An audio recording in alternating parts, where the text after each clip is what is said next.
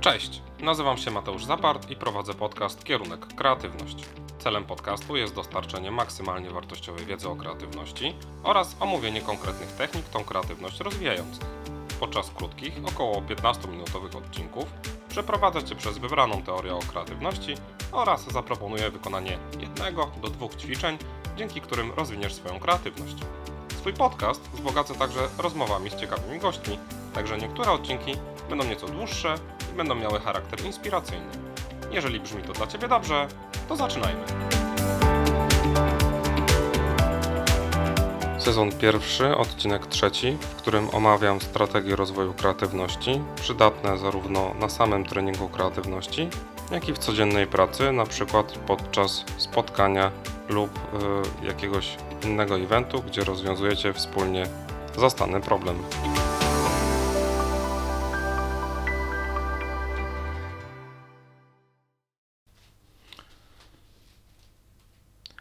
Muszę się Wam do czegoś przyznać. Ostatni odcinek nagrywałem o drugiej nad ranem. Teraz w sumie nie jest wcale lepiej, bo też za chwilkę, za 10 minut dokładnie będzie druga. Mm, ale poprzednio nie byłem świadomy, że w moim głosie tak bardzo słychać zmęczenie. No i dlatego chciałem Was przeprosić, e, a szczególnie tych, którzy zawiedli się na tym nagraniu. Mm, ten odcinek już jest w zupełnie innym e, momencie mojego w sumie wieczoru, dnia. Nie jestem tak zmęczony jak poprzednio. E, I myślę, że to też będzie od razu słychać w moim głosie i w tym, jak i o czym będę do Was w tym odcinku mówić. Ten odcinek też jest dla mnie trochę eksperymentalny, bo co prawda jestem do niego dobrze przygotowany merytorycznie, ale postanowiłem sobie, że nie będę najpierw go pisał, jak robiłem z pierwszym i drugim odcinkiem, a potem odtwarzał to, co napisałem. Czy to z głowy, czy trochę czytał. Myślę, że dzięki temu płynność moich wypowiedzi będzie dużo lepsza. E, bo chcę właśnie ćwiczyć to płynne mówienie, opowiadanie i to jest właśnie najlepszy sposób, taki eksperymentalny jak w tej chwili. E, to jest dla mnie trudne z dwóch powodów. Pierwszym powodem jest to, że jestem perfekcjonistą i nie lubię rzeczy nieidealnych, mm, ale jednocześnie mam świadomość, że tak się nie da sensownie funkcjonować. E, I ostatnio usłyszałem taką zasadę, że lepsze jest zrobione od doskonałego, no i ćwiczę się właśnie w odpuszczaniu w tym kawałku e, i po prostu nagrywaniu tego podcastu. Oczywiście merytorycznie jestem zawsze przygotowany, ale też w, mm, w innych e, dziedzinach mojego życia e, zacząłem stosować tą metodę. No i widzę, że jest dużo lepiej. Oczywiście zawsze to zrobione można poprawić, no ale jest ono już zrobione, więc niekiedy wiele więcej nie trzeba. No okay. drugi powód to jest to, że mm, najlepiej, dlaczego to jest dla mnie trudne, bo najlepiej pracuje mi się w sumie z ludźmi e, w takiej formule warsztatowej, kiedy mogę bezpośrednio przekazywać swoją wiedzę, swoje umiejętności, inspirować i jakoś e, e, wpływać na bieg wydarzeń. Mm, dlatego tak bardzo lubię pracę warsztatową, dlatego też rozwijam się w tym zawodzie. No i mm, prowadzenie sensownego monologu, takiego bez a, y, o, u i tych różnych innych przerywników, no jest dla mnie po prostu mega trudne. Dlatego proszę, wybaczcie mi od razu. Mm, myślę, że jednak, myślę jednak, że jest to dużo bardziej naturalne i będzie się Wam tego po prostu lepiej słuchać. Podsumuję jeszcze ostatni odcinek. I w tym ostatnim odcinku opowiedziałem o zasadach ułatwiających e, kreatywne rozwiązywanie problemów które stosuję podczas treningów kreatywności, ale które Wy też powinniście stosować, jeżeli na przykład spotykacie się ze swoim zespołem i pracujecie nad rozwiązaniem jakiegoś problemu, no i chcecie użyć do tego własnej kreatywności. To te zasady na pewno Wam się przydadzą. Te zasady to, tak króciutko przypomnę oczywiście, pierwsza zasada to była zasada, zasada, przepraszam, różnorodności, czyli im więcej pomysłów, tym lepiej, im więcej różnych pomysłów, tym lepiej. E, druga to była e, zasada odroczonego wartościowania, i tutaj chodziło o to, żeby odsuwać w czasie ocenę tych pomysłów, które właśnie padają.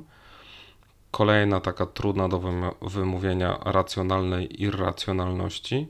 To chodzi o to, że nasze pomysły mogą być oderwane od rzeczywistości i niekoniecznie być z nią spójne, czyli możemy trochę mówiąc tak wprost, poszaleć. Mm, kompetentna niekompetencja pozwalała nam e, na czymś nie do końca dobrze się znać, a mimo wszystko proponować swoje pomysły, bo a nuż widelec będą ciekawe i inspirujące dla innych.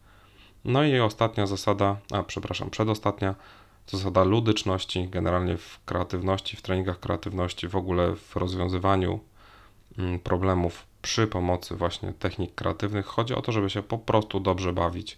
I wtedy, jeżeli ta zabawa jest dobra, jeżeli to wszystko fajnie płynie, to automatycznie też te pomysły są dużo, dużo lepszej jakości. No i ostatnia zasada to zasada aktualności, gdzie koncentrujemy się na tu i teraz, jesteśmy w teraźniejszości, w tym konkretnym miejscu e, i to, co wypracowujemy, jest ważne tutaj. No dobra, to przy tym, e, przy tym wstępie już e, w zasadzie tyle.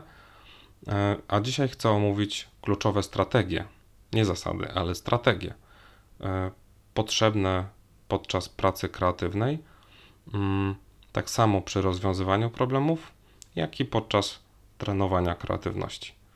No i przejdźmy sobie już do tych zasad. Tych zasad jest cztery, więc y, to nie będzie jakiś specjalnie wybitnie e, długi i merytorycznie e, obciążający Was odcinek. Pierwsza zasada to strategia wyniku idealnego. I tutaj chodzi o to, żeby wyobrazić sobie tak naprawdę, co chcemy, żeby powstało na koniec. Czyli trochę robimy tak, że najpierw, że, że w zasadzie w tym procesie się trochę cofamy. Ale zanim opowiem o tym więcej, to jeszcze może wrócę do tego idealnego rozwiązania. Chodzi o to, żeby ten stan końcowy, który chcemy zastać, to była taka w ogóle prawie że utopia. Taki naprawdę już można powiedzieć trochę odjechany, mm, odjechany pomysł, e, który na pierwszy rzut oka czy ucha mógłby się wydawać kompletnie nierealny, w ogóle o czym my sobie tutaj rozmawiamy. A tutaj chodzi też o to, żeby puścić trochę wodze fantazji i y, spróbować wymyślić coś naprawdę idealnego. Y, nie przejmując się tym, czy mamy dostępny budżet, czy to jest w ogóle możliwe, czy E, takie coś da się zrealizować. Nie, po prostu tworzymy stan idealny, taką idyllę. No i jeżeli już mamy ten stan idealny, no to wtedy możemy robić kroki wstecz i sprawdzać, co tak naprawdę jesteśmy w stanie z tego stanu idealnego wykonać. Trochę też rozebrać ten stan idealny na części pierwsze, ale e, metodą jakby odcinania tych nierealnych rzeczy E, dojść do e, momentu, w którym będziemy już wiedzieć, że na przykład ta konkretna rzecz, czy ten konkretny stan jesteśmy w stanie tak naprawdę dowieść. Ok, to mamy pierwszą strategię, strategię wyniku idealnego. Następna strategia, chyba moja ulubiona w ogóle, to strategia zarodka. Tu chodzi o to, żeby mm, wymyślić cokolwiek. Tutaj w ogóle nas nie interesuje zbytnio jakość tego pomysłu, nieistotna jest jego wartość, przydatność. To trochę takie rzucenie kotwicy i nieważne gdzie trafisz, ważne, żeby się zahaczyła, a my potem dopracujemy resztę, czyli tam dociągniemy liny i zakotwiczymy ten statek. Mm, I tak samo dopracowujemy tutaj ten zarodek pomysłu. Rozwijamy go, udoskonalamy i w ogóle nad nim pracujemy. Bo to się przydaje wtedy, kiedy nie mamy żadnego pomysłu kiedy jesteśmy w stanie mm, takiej twórczej niemocy kompletnej, i wtedy e, możemy wymyślić cokolwiek, zacząć nad tym czymkolwiek pracować e, i może dzięki temu wpaść w ogóle na jakiś kompletnie inny pomysł, bo w, tym, w tej strategii chodzi o to, żeby zacząć w ogóle e, pracę i zacząć stymulację mózgu, zmusić go do wysiłku. No i dzięki temu możemy naprawdę wymyślić jeszcze wiele różnych odjechanych y, rzeczy, ale przede wszystkim tak naprawdę chodzi o to, żeby ruszyć z miejsca, żeby mm, tą blokadę twórczą czy blokadę kreatywną w ogóle wywalić do kosza i zacząć cokolwiek już robić. No jak już poszukamy te, tego rozwiązania, no to yy, wiadomo, że, że potem można yy, stworzyć cuda. Ok, tu chodzi też jeszcze o to, że to może być taka swoista rozgrzewka, na przykład przed zastosowaniem zupełnie innej strategii, o czym też powiem trochę w podsumowaniu. trzecią strategią jest strategia nadmiaru. Wynika ona z tego, że badacze zajmujący się innowacjami w przemyśle na przykład oceniają, że tylko jeden pomysł na zgłoszonych 3000 innych pomysłów nadaje się w ogóle do wdrożenia. Więc wytwarzanie jak największej liczby tych pomysłów, e, zakładając, że tylko niewielka ilość jest sensowna e, i, i wartościowa, e, jest tutaj kluczem, bo im więcej tych pomysłów, tym łatwiej jest wybrać ten wartościowy albo pracować nad potencjalnie najlepszym, na przykład używając strategii zarodka i wtedy jeszcze więcej pomysłów wygenerować. E, chodzi o to, że z większej puli łatwiej wybrać coś, coś sensownego i duża ilość pomysłów to też duża ilość inspiracji do kolejnych pomysłów, co może w końcu doprowadzić do jakiegoś prze, przełomu. E, idealne jest oczywiście połączenie na przykład omawianej zasady różnorodności ze strategią nadmiaru i jeszcze na przykład podrasowanie tego zasadą odroczonego wartościowania. I na, po prostu mamy w tym momencie przepis na sukces. E, oczywiście podobnie można mieszać, łączyć inne zasady, ale to jeszcze zostawię sobie na chwilę no, podsumowania. I czwartym, os, czwartą, ostatnią strategią jest strategia twórczego oddalenia. Ja generalnie uwielbiam myślenie przez analogię, porównywanie, pogrążanie się w oderwanych od rzeczywistości spekulacjach i dlatego bardzo lubię to, tą strategię. E, musimy w niej oddalić się od sytuacji problemowej, zapomnieć w ogóle o realiach, ograniczeniach, trochę jak w tej pierwszej strategii, e, kiedy w ogóle wyobrażamy sobie ten stan idealny. No ale tutaj nie wyobrażamy sobie stanu idealnego, tylko zapominamy o realiach i ograniczeniach e, i rzucamy pomysły. I tu głównym narzędziem, jakiego będziemy używać, jest analogia. Analogię sobie przećwiczymy, to taka fajna niespodzianka na koniec tego odcinka. Jednak e, po takiej nierzeczywistej jakby wycieczce musimy wrócić do tej rzeczywistości i dokonać ewaluacji wygenerowanych pomysłów i rozwiązań. No i być może zacząć e, na przykład z jednym z rozwiązań pracować w strategii zarodka. Mówiłem, że to jest świetna w ogóle strategia. Ok, to w zasadzie wszystkie strategie. E, nie jest tego dużo, więc można spokojnie się po tym dość swobodnie poruszać. E, te strategie możesz użyć oddzielnie lub łącznie. Możesz je przeplatać z poszczególnymi zasadami lub zrobić z nimi jeszcze coś innego. Generalnie chodzi o to, żeby też je użyć w kreatywny sposób. Nie chodzi tylko o to, żeby krok po kroku realizować e, założenia, zasad czy strategii, ale żeby się tym bawić i żeby tak naprawdę używać ich do tego, do czego ci są najbardziej potrzebne. To są pewne drogowskazy e, do Twojej pracy w zespole, na przykład podczas moderowania spotkań, które mają e, popro poprowadzić Cię za rękę, może, może nie tyle poprowadzić, ale zainspirować do rozwiązywania problemów lub tworzenia nowych jakości produktów lub usług w jakiś określony sposób. Jeżeli się zatrzymujesz nad czymś, nie wiesz co dalej, sprawdzasz, e, jakie masz zasoby, zasady, strategie i wtedy możesz iść E, dalej lub w ogóle e, tą pracę popchnąć do przodu. Zanim przejdę do ćwiczenia, to chciałem zaprosić Cię jeszcze na współorganizowane przeze mnie szkolenie pod nazwą Kreatywne Espresso.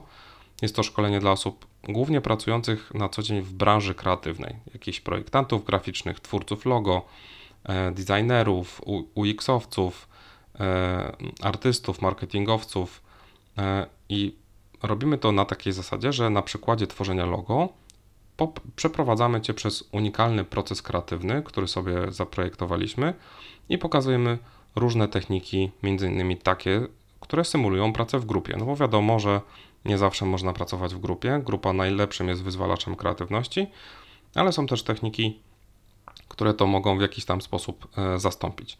No i kreatywne espresso e, wypijemy 26 lutego w Katowicach.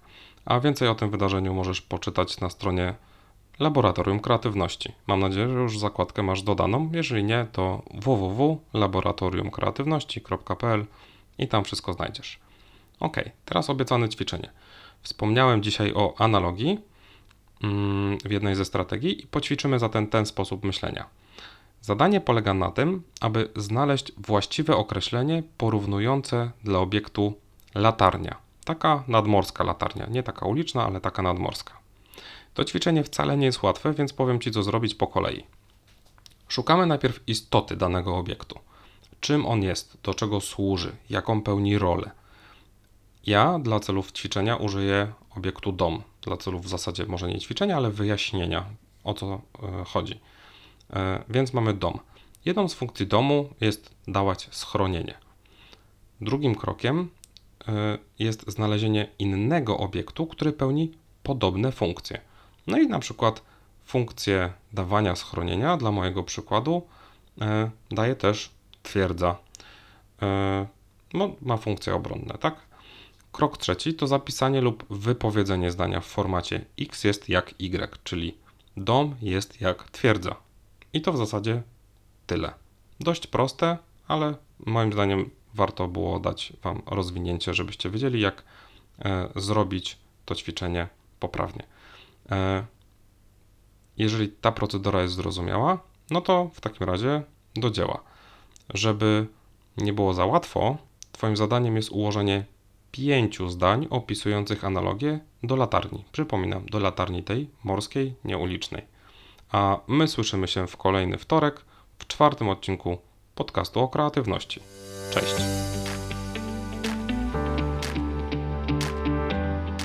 Wysłuchałeś lub wysłuchałaś właśnie odcinka podcastu Kierunek Kreatywność. Podcast ten powstaje w ramach Laboratorium Kreatywności, przestrzeni do trenowania i rozwijania swojej kreatywności. Zapraszam Cię na stronę www.laboratoriumkreatywności.pl po więcej wiedzy i inspiracji. Do usłyszenia w następnym odcinku.